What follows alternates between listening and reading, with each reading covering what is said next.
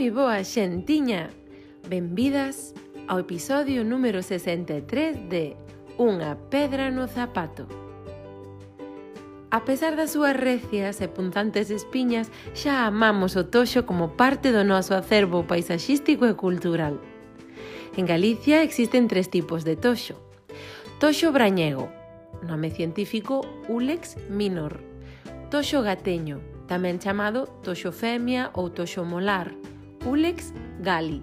E o toxo arnal, asemade denominado toxo macho, toxo albar, toxo bravo ou toxo branco.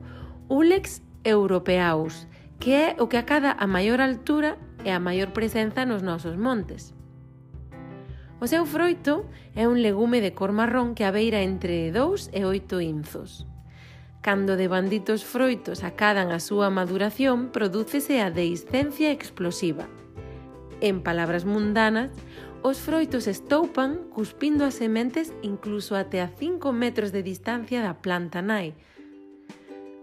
As súas sementes poden ser tóxicas, polo que só facultativas poden receitar a dose adecuada. A súa madeira úsase para fornos de pan para, e para pequenos traballos de carpintaría como caxatos ou badalos. O toxo posúe substancias alcaloides como a cistina, que se usa para tratar problemas de asma, a toseferina e cefaleas, así como para os parches de redución do consumo de cigarros. As súas fermosas flores marelas aportan moito pole ás abellas que se alimentan delas. Pero o ser humano tamén pode comelas e incluso tomalas en infusión para tratar afeccións do fígado. A súa flor leva o nome de chorima e como é unha das miñas palabras preferidas en galego, aproveito para compartírvola, xa que este mes celebramos o Día das Letras Galegas. Existen variantes dialectais deste nome en galego, como son chorida, charuma, cherumia, chirumia, chousima, churida, churuma, chusmigo ou xorima. Seguro que non fun a única que viviu moitos anos pensando que Alecrín era o nome da flor do toxo debido ao tema musical popularizado por Pilocha e por Ana Quiro.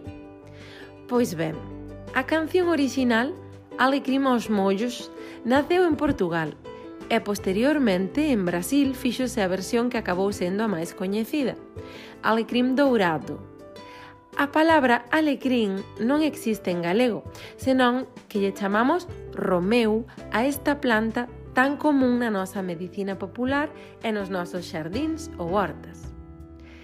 Investigando máis a fondo, descubrín que a canción en portugués fala do alecrim do monte, que é unha especie diferente ao alecrim común, que nós denominamos Romeu e que non ten nada que ver co toxo. A versión feita en galego nos últimos anos da década dos 70 presenta hipergaleguismos como fror, castelanismos como sin, elusismos como alecrín ou semiado. Pero hai que entender o contexto político, histórico e social do momento. Últimos anos do franquismo e plena transición co cal o galego ia tímidamente podendo utilizarse en contextos públicos despois de ser desprezado durante os case 40 anos de ditadura militar. Así que había unha vontade de ruptura e liberdade. Polo tanto, anque a traducción e adaptación ao galego do tema musical é incorrecta a nivel de ortodoxia lingüística, rompo unha lanza a favor destas persoas, porque grazas ao pioneiro dos seus pasos, Moitas puidemos estudar a gramática e a literatura da lingua galega na escola e incluso hoxe en día estar creando un podcast e utilizar ferramentas de consulta como o Dicionario en Liña da Real Academia Galega. Recursos e facilidades cos que non contaban aquelas persoas e polo que tiveron que comezar prácticamente dende cero a restaurar o noso ecosistema lingüístico. A restauración de ecosistemas é un proceso no que o toxo de ben moi efectivo por ser unha especie de rápido crecemento e capacidade reproductiva cunha prolongada latencia da súa semente e coa escaseza de inimigos naturais. Porén, xustamente polas mesmas razóns, é unha especie invasora naquelas zonas das que non é autóctona. Tanto é así que que o toxo foi incluído no Catálogo Español de Especies Exóticas Invasoras regulado polo Real Decreto 630-2013 de 2 de agosto. E tamén se inclúe na lista das 100 especies exóticas invasoras máis daniñas do mundo da Unión Internacional para a Conservación da Natureza. Así que o noso querido Toxo é un criminal perseguido pola lei fora das nosas fronteiras galaicas.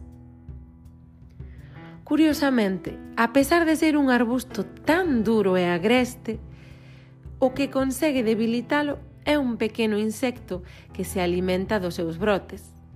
Un tipo de couza chamada Agonopteryx ulicetela. O toxo ensínanos que nos podemos vestir con espiñas e iso non impide que tamén poidamos lucir fermosas flores.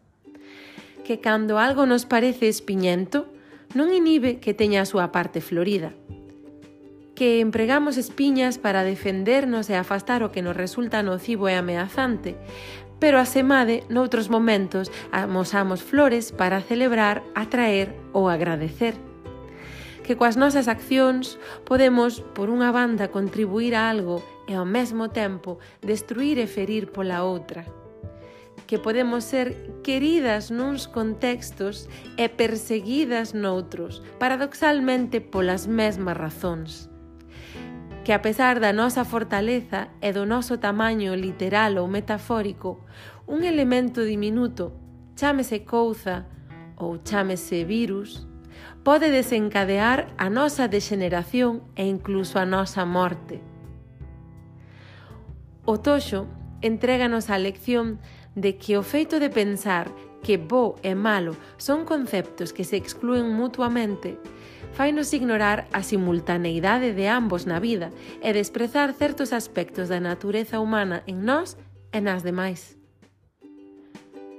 Podemos aceptar a posibilidade de que bo e malo se dean ao mesmo tempo en cada unha de nós?